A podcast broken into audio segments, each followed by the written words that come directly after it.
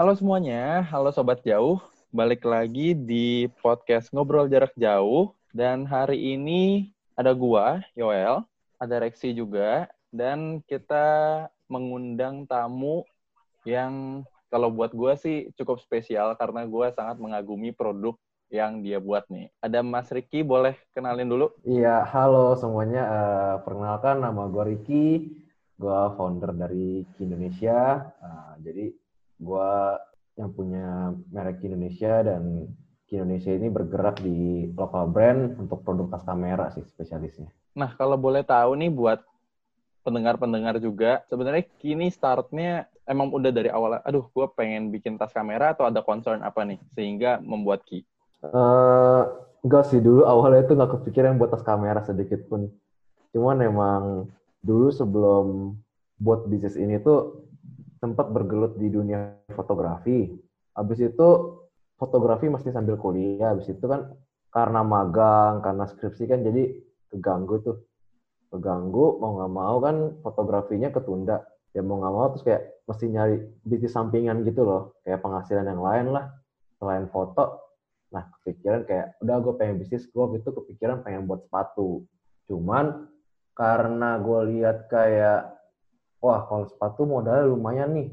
Ukurannya, warnanya, wah kayaknya berat deh. Terus gue diskusi sama kakak gue, dia bilang kayak, kenapa nggak jual tas aja? Oke, gue jual tas deh. Gue pikir, iya sih, tas kayak satu warna dong atau model oke okay lah gitu. Nggak ada ukuran-ukuran gitu. Jadi kayak resiko stok matinya itu kan kayak minim ya udahlah gue produksi tas habis itu dulu nggak kepikiran tas kamera sih dulu kepikiran tuh tas-tas yang ya tas sehari-hari sih tas sekolah segala macam cuman setelah gue mencoba enam bulan pertama tuh kayak wah berat ya jualan ya. Kayak susah susah banget nih jualan. Kayak nggak nemu gitu loh. Kayak apalagi brand baru orang kayak susah percaya. Ya udahlah. Terus teman gue udah coba salah satu produk gue dia bilang eh lu kan fotografer ya? Kan lu bisa bikin tas. Kenapa lu nggak coba buat tas kamera aja? Nah dari situ gue langsung berpikir iya juga ya. Kenapa nggak tas kamera aja? Dari situ gue langsung mencoba buat produk tas kamera gue yang pertama yaitu ya seri yang mas Well pakai tuh yang Beetle saat ini gitu pakai. Itu seri pertama tapi udah revisi kedua gitu. Jadi itu tas kamera pertama dari Ki lah. Habis itu gue buat. Bisa dibilang Beetle itu adalah momentum utama dan pertama kali Ki dikenal sebagai tas kamera lokal sih. Itu yang cukup ya bilang fenomenal enggak ya agak lebay cuman cukup identik lah bentuk tas kamera yang Beetle itu yang kayak gitu identik banget sama Ki. Jadi ke mana-mana pasti Ki gitu loh. Iya iya gue bilang cukup ini sih apa uh, eh, gue melihat Ki awalnya tuh gue ngelihat teman-teman gue pakai juga terus gue kayak lihat ini tas kamera tapi nggak kayak tas kamera gitu bentuknya iya. unik bukan yang kayak cuman balok gitu. segitiga. Iya atau enggak segitiga yang kayak kamera harus ditengokin. Terus iya. gue ngeliat lagi kok fiturnya banyak gitu. Kayak ada jaring-jaringnya. Pokoknya itu fungsional banget dan gue bahkan hmm. ini dari gue pribadi gue memakai key tuh gue nggak cuma pakai buat kamera doang gitu loh kayak kadang-kadang buat sehari-hari ya iya gue pernah kayak ke Bandung ya ada kamera di situ tapi tempat-tempat lainnya bisa buat yang lain-lain juga hmm. dan itu fungsional banget tahan lama lagi terus gue sempet kepikiran pas awal gue pakai key tuh kayak ini kayaknya yang bikin fotografer juga deh soalnya dia tuh ngerti banget gitu loh kayak lu nggak nggak makan waktu yang banyak untuk R&D karena ya udah gue fotografer gitu loh Hmm. Mungkin kali ya kayak lu fotografer jadi lu udah memahami juga kebutuhan fotografer tuh apa, yeah. kebutuhan basic needs-nya. Jadi kayak sefungsional Betul, betul. Setuju sih. Jadi emang salah satu kelebihan key untuk tas kamera adalah untuk pembuatannya itu atau R&D-nya itu ya gua 100% turun gitu loh kayak ini nih tas kamera tuh biasanya rata-rata busanya agak tipis nih bahaya makanya gue selalu kayak minimal kalau tas kamera tuh busa harus 10 mili deh biar aman gitu loh. Jadi kayak oh nih partisinya sekatnya penting nih begini busa dalamnya tuh eh lapisan dalamnya itu mesti yang halus gini-gini supaya kamera yang gak gini-gini. Kelebihan dari Ki untuk tas kamera ya untuk bagian pembuatannya R&D-nya tuh gue cukup agak ngerti lah. Oh iya makanya kayak Mas Yawal bilang kayak ini kayaknya buat fotografer. Ya seperti itu. Iya iya iya. Sebenarnya kalau kapan berdirinya kan udah berarti pas kuliah itulah buat lu nyari tambahan hmm. juga eh ternyata dari yang awalnya tambahan ujung-ujungnya hmm. jadi yang sampai sekarang uh, sampai bisnis yeah. sekarang kalau boleh tahu tuh yang melatar belakangi kayak gue ada nggak sih inspirasi yang kayak uh, motivasi yang selalu lo bawa dalam Ki ini pas awal-awal lo bikin dan ada nggak goals yang lo set buat Ki? Inspirasi gue tuh sebenarnya dari beberapa teman gue sih. Jadi teman gue tuh banyak banget yang banyak teman gue tuh yang punya yang punya brand kayak brand sepatu, brand tas gitu gitu kayak gue liat ih seru ya ada brand gitu terus bisnis online gitu kayak seru ya. Walaupun gue sempat mikir kayak ah gue udah terlambat cuman gue pikir kayak ah gue gue gue pengen coba lah ada salahnya gue coba gitu loh.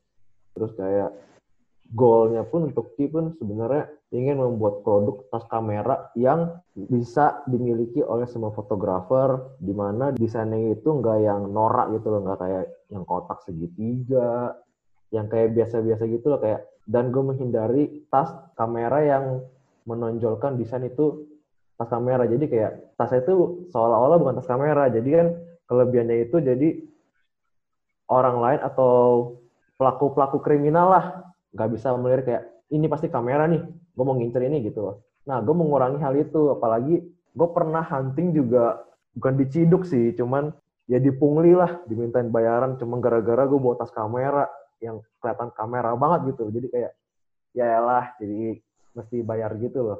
Nah gue mau membuat tas kamera dengan harga terjangkau dan desain yang minimalis dan futuristik sih kalau dari gue sih itu goal gue jadi gue rata-rata kayak jual produk itu, gue sampai teman-teman gue ada yang bilang kok kayak, lu jual harga tas kayak gini cuma seratus ribuan, emang nggak untung?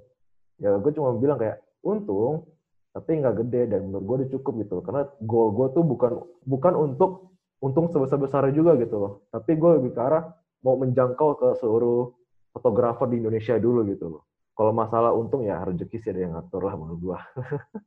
ya salut juga sama pemikiran tadi bahwa bukan meraup profit hal yang paling penting, tapi gimana ya itu semua fotografer bisa pakai.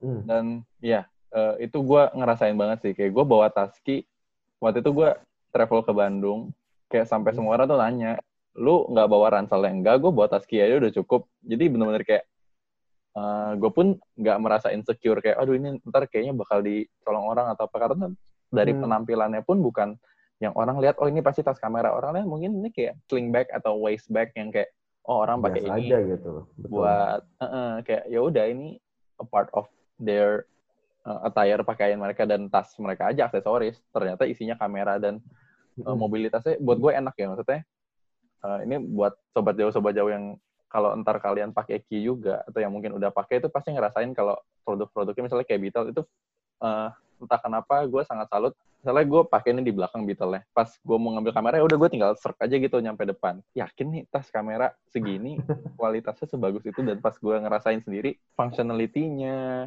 bahan-bahannya itu tuh jarang lah di Indonesia orang senekat itu. Biasanya hmm. mau bikin brand kayak gini produk kayak gini pasti naruh harganya mahal gitu. Kayak eh, ini nggak mungkin hmm. ada orang bisa bikin kayak gini cuanin lah gitu. Tapi lu hmm. lebih milih ya pemerataan gitu. Semua orang semua fotografer pakai ki semua pakai iki. Yes. Salut banget. Dan uh, relate ke isu-isu yang bukan isu sih, hal-hal yang terjadi sekarang ini yang bikin gue dan Rexi tertarik sama Ki itu kalian sangat ini ya, dan lo terutama sebagai owner dan leader juga appreciate situasi dan kondisi sampai ngeliburin karyawan. Kita sempat lihat juga status lo yang share uh, stories yang kalau salah waktu itu kayak uh, lo turun hmm. tangan langsung ke gudang buat ngecek segala macam, tapi anak-anak kantor lo dirumahkan biar istirahat dulu aja, hmm. biar lo yang turun tangan langsung itu kita salut banget dan juga hmm. lo tuh mau give back uh, ke society dengan lo donasi-donasi uh, ya ke desa kecil lah ke komunitas-komunitas gitu. Sebenarnya apa sih yang bikin lo mau give back ke society? Jadi kalau di gua sih uh, pertama kalau bahas yang society ini karena gue sih belajar kalau kita memberi itu nggak uh, bakal rugi gitu loh. Dan emang seharusnya kita memberi gitu loh berbagi ke sama gitu dan sebenarnya Ki ini udah dua kali program untuk kita bilangnya itu charity. Jadi charity dari Ki gitu loh. Kita selalu mendonasikan tas ke adik-adik kita yang di pelosok-pelosok atau di tempat yang susah terjangkau lah gitu loh. Jadi kita udah dua tahun gitu. Nah, gue selalu membuat program itu setiap tahun untuk Ki dan program itu cukup oke okay gitu. Jadi kayak banyak sobat Ki atau yang pada beli Ki itu customer-customer juga kayak appreciate juga. Dan gue juga ini gue nggak pernah selalu kasih tahu ke customer. Jadi nggak kayak ayo beli tas Ki sebagai nanti sepuluh ribunya dibuat donasi. Nah gue nggak pernah. Jadi gue selalu kayak gue kumpulin aja sendiri selama setahun. Ntar budgetnya ada gue langsung cari lokasi mana yang bisa kita jangkau baru kita tuju gitu loh. Ya, tapi yang penting itu kalau gue sih gue diajarinya untuk selalu berbagi sih karena itu nggak bikin kita rugi dan itu emang udah kewajiban kita sih. Itu sih alasan gue untuk acara itu. Wah itu inspiratif sekali sih karena pertama kali gue lihat brandnya Mas juga gue nggak gue nggak tahu sih ada acara um, charity charity itu tapi sembari gue follow maksudnya cerita ceritanya Ki dan uh, bisnis bisnisnya Ki terus tiba-tiba uh, muncullah program ini. Gue kayak wah ini brand yang apa ya? Yang lumayan salut gitu menurut gue kayak um, jarang sekarang ini kalau udah brandnya jalan terus dia ya lupa aja gitu sama yang di bawah. Hmm. gitu sih. Ya ya. Sebenarnya sih yang masalah ini juga sebenarnya gue juga mungkin ada brand juga yang kayak gue tapi dia nggak mau publish. Cuman gue sih tadi mikirnya juga nggak mau publish kayak udahlah kita memberi nggak perlu kita publish juga gitu buat apa gitu kan.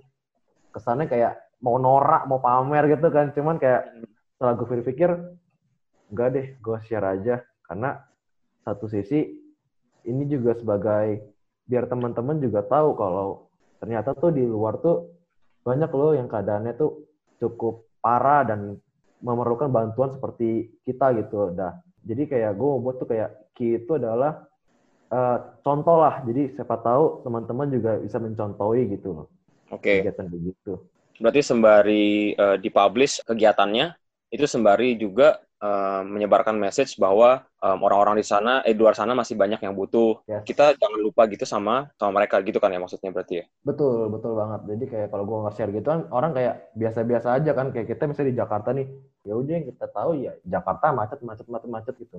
Sedangkan di luar sana di pelosok tuh ada loh yang lebih parah bahkan mereka tuh nggak ada listrik sama sekali gitu loh. Terus um, yang menarik menurut gua nih dari brand Ki ini adalah uh, lu bisa bikin gitu brand ini relevan dan se bukan sekedar brand yang cuma jualan jualan jualan bisa hmm. juga berinteraksi lah sama orang uh, dan kelihatan banget gitu loh dari Instagramnya Kiki itu adalah adalah adalah orang gitu se se seperti punya karakter gitu dari cara balas interaksinya tuh nggak nggak monoton nggak robotik gitu. Ada nggak sih inspirasi di balik itu atau gimana caranya biar saran-saran aja nih buat supaya bisa bikin brand mereka relevan? Gue biasa balasnya itu ya seakan-akan itu Instagram pribadi gue sih. Jadi gue juga kemarin dulu dulu sempat belajar sama beberapa teman juga seminar dan ada yang bilang tuh kayak kita harus memanusiakan brand gitu loh. Jadi kayak kita harus buat brand itu seperti manusia supaya orang lain atau follower kita tuh mau engage sama kita gitu loh. Nah, kayak gitu gue kepikir kayak gimana ya tapi kayak gitu ya. Kan kita harus jualan gitu loh. Nah, tapi gue pikir benar juga sih kalau kita buat brand seakan-akan manusia gitu yang engage sama kita pasti kayak ya kayak bukan follow akun jualan yang jualan-jualan banget gitu loh. Makanya gue selalu merespon beberapa DM, beberapa buat stories gitu. Ya seakan-akan itu Instagram pribadi gue sih. Dan bagaimana caranya brand key bisa relevan sama customer, terutama fotografer gitu. Ya kita mesti ini sih, ngeblend sih. Maksudnya kayak gue, ya gue ada tau lah seputar fotografer gitu, fotografi. Nah, Sedangkan kan customer key kan juga mayoritas lah, gue bilang mayoritas tuh fotografer. Jadi kayak isu-isu sekarang atau misalnya hmm, bahas-bahas seputar fotografi masih agak nyambung gitu loh. Jadi kayak kayak gitu. Jadi kayak gue bahas seputar ini gimana sih cara fotonya biar nggak ngeblur segala macam. Nah gue selalu uh, kasih insight juga dari gue, kasih saran gitu. Jadi kayak kesannya tuh nyambung. Ini brandnya key targetnya fotografer bahasa seputar fotografi gitu kayak oh nyambung gitu. Jadi kayak ya orang tuh lebih mau beradaptasi sih. Dan juga kan salah satu akun dari Ki jadi Ki itu ada Ki ID itu adalah akun yang utama. Nah ada dua akun yang berbeda. Satu katalog satunya lagi namanya key lesson. Jadi key lesson itu adalah konten-konten fotografi yang gue buat dan tim gue buat itu dalam bentuk Instagram gitu loh. Jadi kayak gue buat kayak komunitas lah gitu loh. Dan satu juga selain di Instagram gue juga mau aktif sih di komunitas. Jadi kayak misalnya teman gue ada buat seminar, ya gue join, gue sponsor okay. atau apa. Dari situ kan ntar orang-orang juga tahu Ki nih, wah ini Ki yang sering muncul di iklan stories nih, iklan Instagram gini gini gini. Oh, brandnya nggak nipu-nipu ya? Oh, brandnya ada ya? Kirain nipu-nipu atau apa? Oh, tasnya gini ya. Nah, dari situ juga mulai relevan lah sama customer-customer kayak mulai nyambung gitu loh. Nah ngomong-ngomong soal Kilasen ini, ini intermezzo sih. Gue waktu itu pernah lihat dia um, Kilasen ini salah satunya di salah satu postingannya lah di hmm. fitur sama Garrett King kalau tahu short stash. Terus gue kayak gue gue gue lumayan canggung gitu kan gue lagi scroll scroll story kan gue lihat uh. lihat story dia terus gue kayak anjir gue tahu nih brand orang gue follow kan gitu ya terus langsung gue dm wah anjir kalian di fitur eh di repost sama ini nih gokil gitu jadi dari situ gue juga uh, paham bahwa kalian tuh nggak berbaginya cuma dalam bentuk barang doang, tapi kalian benar-benar yes. mau berbagi dalam bentuk apa ilmu lah, dalam bentuk yes. uh, yang nggak kasat mata hmm. gitu. Kini awalnya tadi kan sempat cerita ya barang-barangnya itu ada kiblatnya gitu ke arah um, daily wear sama sama tas foto, tas kamera gitu. Yes. Pernah sempat bingung nggak kalau misalnya dua genre barang ini digabungin ke dalam satu brand terus ntar orang-orang kayak bingung gitu liatnya eh ini Ki sebenarnya jualan apa sih gitu. itu pernah mas, sampai sekarang juga begitu. Cuman itu ya happy problem lah. Kenapa gue bilang ya ya yang penting mereka ada beli juga gitu walaupun kayak hmm. bingung. Tapi kenapa gue milihnya ada tas fashion juga? Jadi sekarang ini kan Ki ada Ki dibagi dua lah. Ada tas yang fashion, ada tas fotografi. Kenapa sih yeah. gue harus ngambil yang fashion? Karena gini, gue pikir kalau misalnya tas kamera semua, orang kalau udah beli ki, mau beli apa lagi gitu loh. Kayak misalnya gue beli tas kamera nih. Ya kalau udah punya tas kamera, ya ya udah satu aja gitu loh. Gue nggak perlu ganti-ganti. Kayak kayak Mas Yoel lah, Mas Yoel punya satu tas kamera. Udah cukup, ya udah itu aja. Paling kan kalau mau ganti satu, tunggu rusak. Paling ya, gitu bener. kan. Nah, ini menarik nih yang masalah tunggu rusak. Banyak teman-teman gue juga yang bukan ngajarin lah, tapi kayak memberikan ilmu hitam lah kalau gue bilang. Waduh. Itu kayak lu buat barang tuh gak usah yang bagus-bagus, biar orang beli mulu gitu loh malu, biar repeat order gitu-gitu. Cuman ini pemikiran dia yang hebat atau yang kayak rada-rada ya? Kalau gue, kalau gue memposisikan gue sebagai customer, gue beli tas brand A misalnya. Iya. Yeah. Baru gue pakai sebulan rusak. Gue sih nggak bakal beli lagi sih. Iya, bener sih. bener kan ya? Gue kayak, gue gak bakal beli lagi sih. Walaupun lu bilang garansi ke apa, kalau emang sering rusak, cepat rusak, biar orang repeat order itu menurut gue salah sih menurut gue. Mendingan lu buat yang bagus, terus lu nambahin produk yang lain lagi, kategori yang lain, supaya pelengkap gitu loh. Jadi kayak kualitasnya bagus, orang pada suka, service suka, lu mau jual kayak produk yang lain selama masih nyambung tuh pasti orang kayak ah gue percayalah ini brand pasti bagus servisnya oke okay. gitu loh kalau gue sih gitu makanya sekarang gue mencoba untuk buat produk yang lain atas kamera karena itu karena gue pikir kalau tas kamera mulu orang udah punya satu tas mah nggak mau ganti sih menurut saya wah itu uh, bener banget sih kemarin karena kebetulan kan gue waktu itu kuliahnya nggak di Indo ya jadi hmm. gue udah punya tas kamera sendiri kebetulan. Jadi gue nggak nggak beli di sini gitu kan. Hmm. Nah kebetulan gue tahu Ki ini pas gue lagi nggak di sini. Terus hmm. pas gue um, semakin lama gue ngikutin Ki, kayak kemarin nih misalnya yang cerita soal tote bag, hmm. itu tuh gue bener-bener lagi nyari um, tote bag yang ada kompartemennya gitu loh, yang bener-bener bisa bisa fungsional lah. Kalau misalnya sekedar tote bag kan orang-orang mikirnya tote bag mah tas belanja gitu ya, jadi cuman asal masukin barang doang dan kadang kayak gitu-gitu tuh kurang aman lah. Nah kalau punya key ini kemarin gue lihat ada ada cetekannya lah, ada ekstra kompartemennya lah, jadi bisa taruh yang aneh, yang yang apa yang aneh-aneh, yang macam-macam gitu. Hmm. Jadi orang-orang pasti lebih nyarinya yang fungsional seperti itu gitu. Key ini nggak cuma fokus di satu doang. Sedangkan yang kayak tadi gue bilang ya, orang-orang bingung mungkin kayak ini tuh key ini sebenarnya arahannya ke mana. Sedangkan itu yang menurut gue poin plusnya key sih. Betul sih, emang gue, gue juga sampai sekarang tuh bingung juga kayak ini kan tas kamera, jadi seakan-akan tuh kalau gue jual tas yang fashion, identik tasnya tuh ini bisa buat kamera ya. Gue mau jual tote bag, ini bisa buat kamera ya. Semua yang gue jual tuh ini bisa buat kamera ya. Buset, jadi gue mesti buat kamera semua. Gue bilang enggak, yang ini nggak bisa buat kamera. Cuman kalau mau buat kamera bisa masuk, tapi harus hati-hati. Gue sih selalu bilang kayak gitu sih. Iya, betul. Terus gimana nih Mas? um, belakangan ini kan kita seperti yang kita tahu ya um, kondisi di luar sana sedang sedang sepi lah ya. Lanjut dari cerita yang tadi yang Mas sempat uh, meliburkan anak-anak kantor lah, hmm. terus Mas yang turun tangan ke gudang sendiri. Pendapat Mas nih terhadap uh, bisnis-bisnis yang sedang uh, berusaha keras lah di tengah pandemi ini gimana Mas? Ada saran nggak dari Masnya sendiri? Oh ya, tadi gue belum jawab ya seputar gue ke kantor sendiri terus tim gue libur.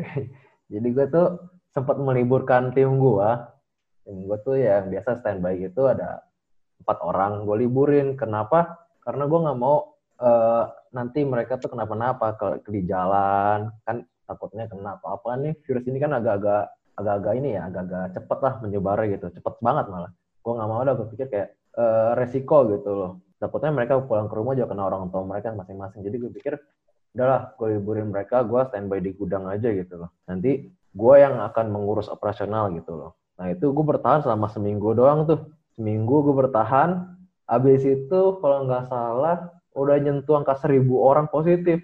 Nah emang tadi gue tuh kalau udah seribu orang, udahlah gue mendingan tutup dulu gitu loh. Gue nggak tahu nih kondusif tuh gimana, eh, nggak kondusif tuh gimana nih. Gue tutup tuh. Tadinya gue nggak tahu mau tutup sampai kapan gitu loh. Kayak sampai keadaannya kondusif. Cuma gue denger-denger tuh kayak lihat ini kita nggak tahu sampai kapan gitu loh. Dan kemarin tuh Jokowi juga sempat bilang, Pak Presiden bilang UMKM UMKM harus tetap berjalan. Oke, okay, gue kayak oke okay lah sesuai dengan instruksi Presiden. Presiden minta seperti itu ya, ya udah gue comeback gitu loh. Tapi seluruh tim gue tetap di rumah aja dan seluruh penjahit gue juga sekarang kan produksi juga gue nggak bisa banyak-banyak sih. Produksi itu dikit banget. Tapi gue ada tim sendiri produksi, jadi tetap gue tanggung lah. Gue tanggung tim produksi gue gitu loh. At least dia bisa hidup cukup, cicilan tercukupi gitu loh.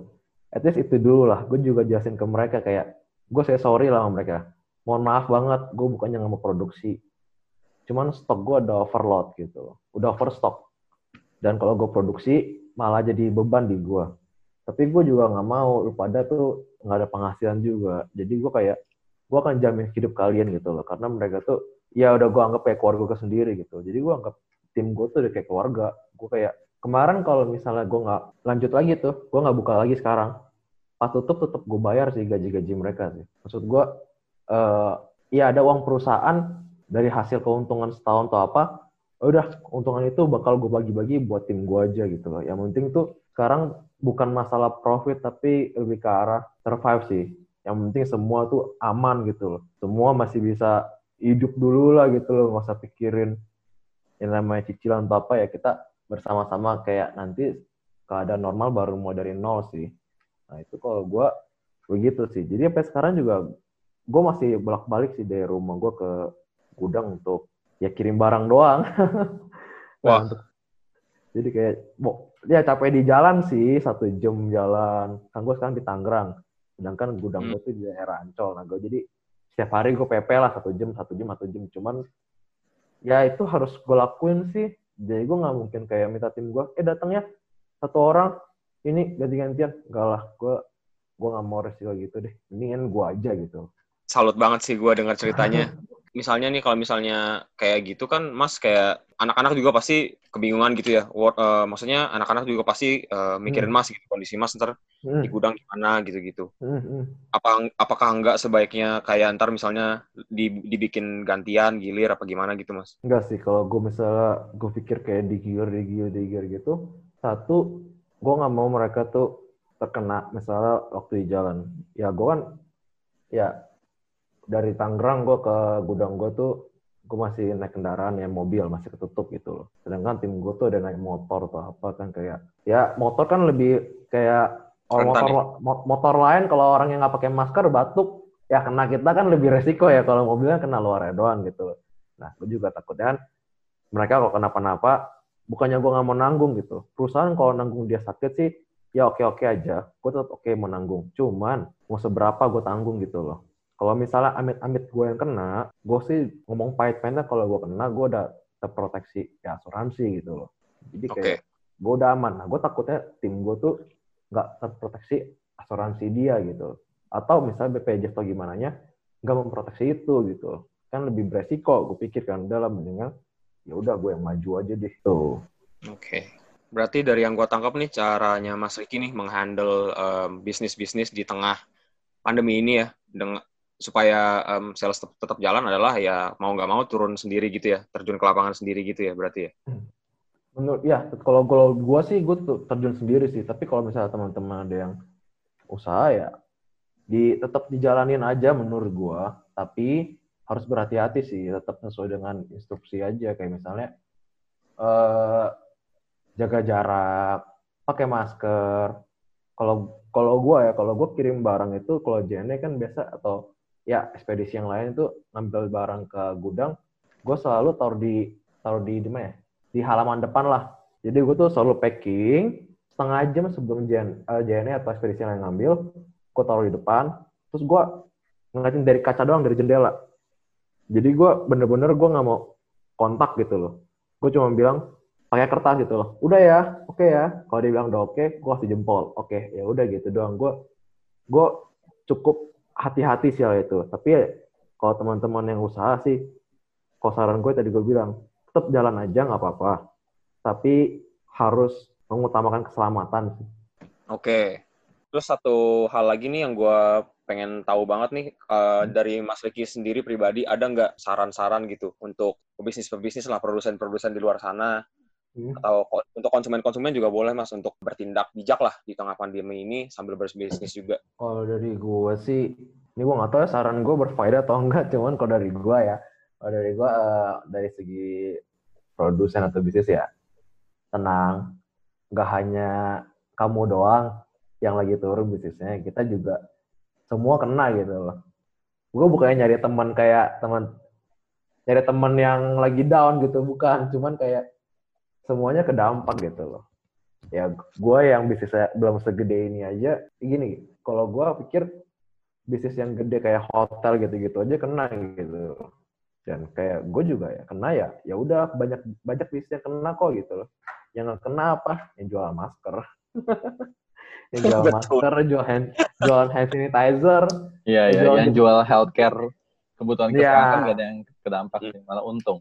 Ya betul untung. Cuma kan mayoritas kayak kayak gua kedampak gak jual tas kedampak apalagi tas kamera. Sekarang target gua fotografer. Ya ngomong kasarnya aja fotografer sekarang mau travel nggak boleh. Mau kerja misalnya wedding gitu-gitu nggak boleh. Ya lebih susah lagi kan kayak ya kena juga gitu ujung-ujungnya. Cuman yang pasti saran kita ya tetap bersabar lah sama bersyukur lah. Maksudnya kita bisnis tuh misalnya kayak gue nih, gue udah bisnis 2 tahun, 3 tahun. Cobaan, gue bilang ini cobaan lah, cobaan pandemi ini beberapa bulan ya harus kita lewati lah. Kita harus belajar juga. Jadi kalau kita berhasil lewatin ini, nanti kalau ada masalah yang Iya, cuma bener lah banget. gitu loh. Iya, iya, iya. Kita harus survive gitu loh.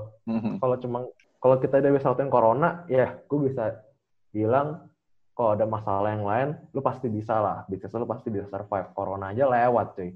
Masa yang kayak bisnis yang masalah yang lain tuh lu nggak lewat kan kayak cemen lah gitu loh istilahnya gitu loh. Iya, iya. Nah, kalau- gue, kalau saran gue untuk yang customer sih atau konsumen belanja online untuk produk-produk lokal sih utamanya. Kita harus buat roda ekonomi kita juga berjalan gitu. Karena gue juga kemarin juga dibilang kayak kalau tutup nanti ekonomi Indonesia gimana gitu. Iya. Perputarannya gimana gitu. Nah, ya juga gitu. Nah, itu salah satu alasan juga kenapa gue buka. Gue nggak mau roda perekonomian jadi kayak mandek gitu. Nah, saran gue ke customer atau konsumen, ini termasuk ke gue juga sih. Makanya gue juga selalu kayak, ya udah beli apa online lah gitu loh. Gue beli makanan ya online segala macam, beli barang ya ya di marketplace gitu-gitu. Kalau bisa gue mengutamakan yang lokal gitu, karena lokal brand itu ya sekarang inilah yang kita harus bisa support gitu loh. Karena lokal brand itu nggak kalah kok sama produk asing. Kenapa gue bisa bilang begitu? Karena produk asing jahitnya di pabrik lokal, tempat gue juga. Iya bener sih. Iya, jadi sama aja. Cuma nggak beda lu brand lain. Ini brand Ki. atau brand lokal yang lain itu tempel tempel brand doang gitu loh yang jahit mah sama keringatnya sama hmm, itu juga sih yang gue sedang apa ya sedang gue juga usahain lah buat dari hmm. diri gue sendiri gitu um, untuk hmm. memandang ke dalam lebih luas lagi gitu kan karena kalau boleh jujur nih gue uh, mulai tersadarkan juga uh, salah satunya karena lihat brand key lihat kayak produk dalam negeri yang kualitasnya tetap tetap konstan gitu. Ya dan nggak nggak yang sampai apa maksudnya secara desain juga yang nggak norak gitu bukannya warnanya sampai hmm. gimana banget. Dan ya itu uh, di satu sisi kelihatan fashion brandnya juga udah udah mulai bisa nyelam ke situ sih kalau menurut gue dan itu hal yang sangat positif. Instead kayak sampai selamanya dikenal sebagai tas kamera mulu kan ya lama-lama juga kayak pengen juga explore ke yang lain kan betul kayak Starbucks lah Starbucks kan nggak jual kopi doang jual kue sama tumbler iya cuma orang kayak jual kopi iya bisa sampai jual tumbler dan itu Betul. Pasti orang juga nanya sama seperti seperti orang nanya ke lu tasnya bisa buat kamera nggak? Orang juga nanya kan Starbucks hmm. tumbler, oh bisa buat kopi juga gitu kan? Ya, itu salah satu ya analogi gue lah kenapa gue pikir kayak ah Starbucks aja bisa kok jualan kopi, jualan tumbler segala macam. Ya gue juga bisa lah. Orang nyambung lah gitu loh. Iya makanya uh, different functionality of key itu yang sangat-sangat gue hmm. dan Rexi apresiasi ya dan gue yakin banyak banget sobat jauh dan pengguna-pengguna key itu yang memandang itu sebagai suatu hal yang sangat amat positif. Dan ditambah lagi kita juga udah nyaksiin sendiri lewat ini si uh, apa Kim mengedukasi orang nih akunnya ini lebih banyak followersnya loh kalau dari angka ya statistiknya.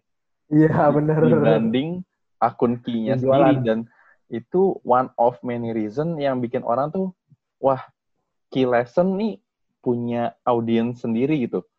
Mungkin orang hmm. nggak beli Ki tapi dia mengenal Ki sebagai ya Ki lesson ini gitu. Bagaimana yes. Ki bisa mengedukasi orang, gimana Ki bisa menjadi suatu bagian dari komunitas. Dan mm. Dari yang udah Mas Riki bagiin juga di podcast ini, kita juga makin paham bahwa uh, business is not always about profit, it's about people. Uh, gimana kita bisa bikin community of people yang yaitu semua orang punya key misalnya semua orang pernah experience key dan orang akhirnya merasa oh key ini bukan cuma brand tapi kita tuh satu kita sama-sama pakai key kita komunitas dan juga hmm. terutama dari cara Mas Riki menerapkan metode bisnis terhadap orang-orangnya juga gimana cara bisa nih kalian di rumah aja dan segala macam. Itu kan mungkin pelaku-pelaku bisnis yang lain perlu belajar juga. Dan makasih banget buat waktunya juga buat sarannya. Ini belum Thank belum penutup ujung-ujung banget. Cuman sama ini terakhir sih terakhir. Uh, ini kalau saran kan saran buat bisnis yang udah ada nih tadi. Hmm. Dan lu kan memulai bisnis ini juga dari yang tadi rasa ingin ada side job dan rasa ingin tahu ini gue bikin tas gimana ya caranya. Lu ada nggak sih hmm. advice buat orang yang baru pengen mulai buka bisnis dengan keadaan yang sekarang?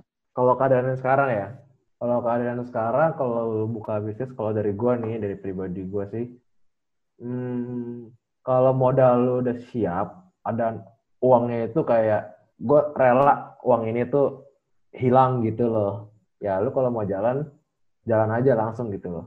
Cuman kalau dengan keadaan sekarang, kalau gue boleh sarankan, tahan dulu sih. Karena semua kena dampak. Kayak gini tuh, lu mau launching bisnis baru, contoh mau jualan kayak tas atau apa pun itu segala macem, Kayaknya sih lagi nggak bagus sih momennya ya. Mendingan uangnya itu lu tahan dulu, lu simpen dulu aja. Takutnya ya takutnya lu butuh juga gitu. Kalau nggak butuh kan ya udah disimpan dulu aja. Karena percuma kalau lu launching sekarang daya beli orang itu lagi turun gitu loh. Daya beli orang lagi turun. Dan orang lain tuh gini, kayak misalnya gue, ini bercandaan gue sih ya, menyokap gue. Kayak nyokap gue liat kayak, berapa kiriman hari ini? Dikit mah gue bilang. Iyalah wajar. Orang mana mau beli tas. Orang mau belinya sembako gitu-gitu gitu loh. Jadi kayak yeah, kayak yeah. satu satu momen gue jualan agak rame satu hari. Pokoknya gue sampai kewalahan dah. Berapa jualan? Rame mah sampai kewalahan nih. Itu yang beli pada banyak ya sembakonya. Masa pada beli tas? Terus gue kayak ini nyokap gue dukung ke mana sih gue bilang kan mungkin ini mungkin beli tasnya buat sembako buat diisi sembako gitu. kan diisi rebel ya ya maksud gue ke sekarang itu kalau gue nyambung lagi tuh kalau gue bisa kalau gue bilang tahan dulu lah. Gak usah buka bisnis dulu. Nanti keadaan membaik, baru baru baru bukalah gitu loh. Karena daya beli orang lagi turun. Orang pada pegang uang sih, maksudnya orang lebih mikir kayak pegang sembako lah gitu, lebih oke beli sembako. Ini yang gue beli sabun atau apa gitu dulu sih. Itu saran gue sih. Oke. Makasih banget Mas Riki atas uh, bincang-bincangnya hari Thank ini. you, thank you. Inspiratif banget. Gue belajar banyak. Gue jadi eh, terinspirasi juga karena eh, tadi cerita banyak ya soal eh, mencari ki dan lain-lain juga, soal komunitas dan lain-lain. Terima kasih Mas Riki sekali lagi em, udah mau bincang-bincang bareng em, kami ngobrol jarak jauh. Semoga podcast ini bisa membantu ya pelaku-pelaku bisnis untuk memahami juga bahwa sebenarnya eh, kita menghadapi hal yang sama Hmm. dan bisa belajar banget dari Ki bahwa ya tadi yang kayak udah dibahas juga eh, bukan cuma profit tapi people dan juga bisa belajar dari Ki gimana eh, bisa shaping the culture dan educate people. Dan yang paling penting yang jadi highlight buat gua personifying the brand. Gimana brandnya bisa jadi kayak orang gitu. Makasih banget Mas Riki. Thank you, Mas udah waktunya ha, udah ngeluangin waktunya. Eh ditunggu nanti buat yang dengerin ini bisa follow Ki juga bisa follow akun Mas Riki juga dan follow ngobrol jarak jauh at jauh nanti kalian juga bisa mungkin abis ini bisa belanja produk-produknya Ki ada di Tokopedia dan bisa cek katalognya juga Ya, Oke. thank you. Thank you Mas Yoel, thank you Mas Reksi. Iya, makasih Sukses juga Mas podcastnya. Iya.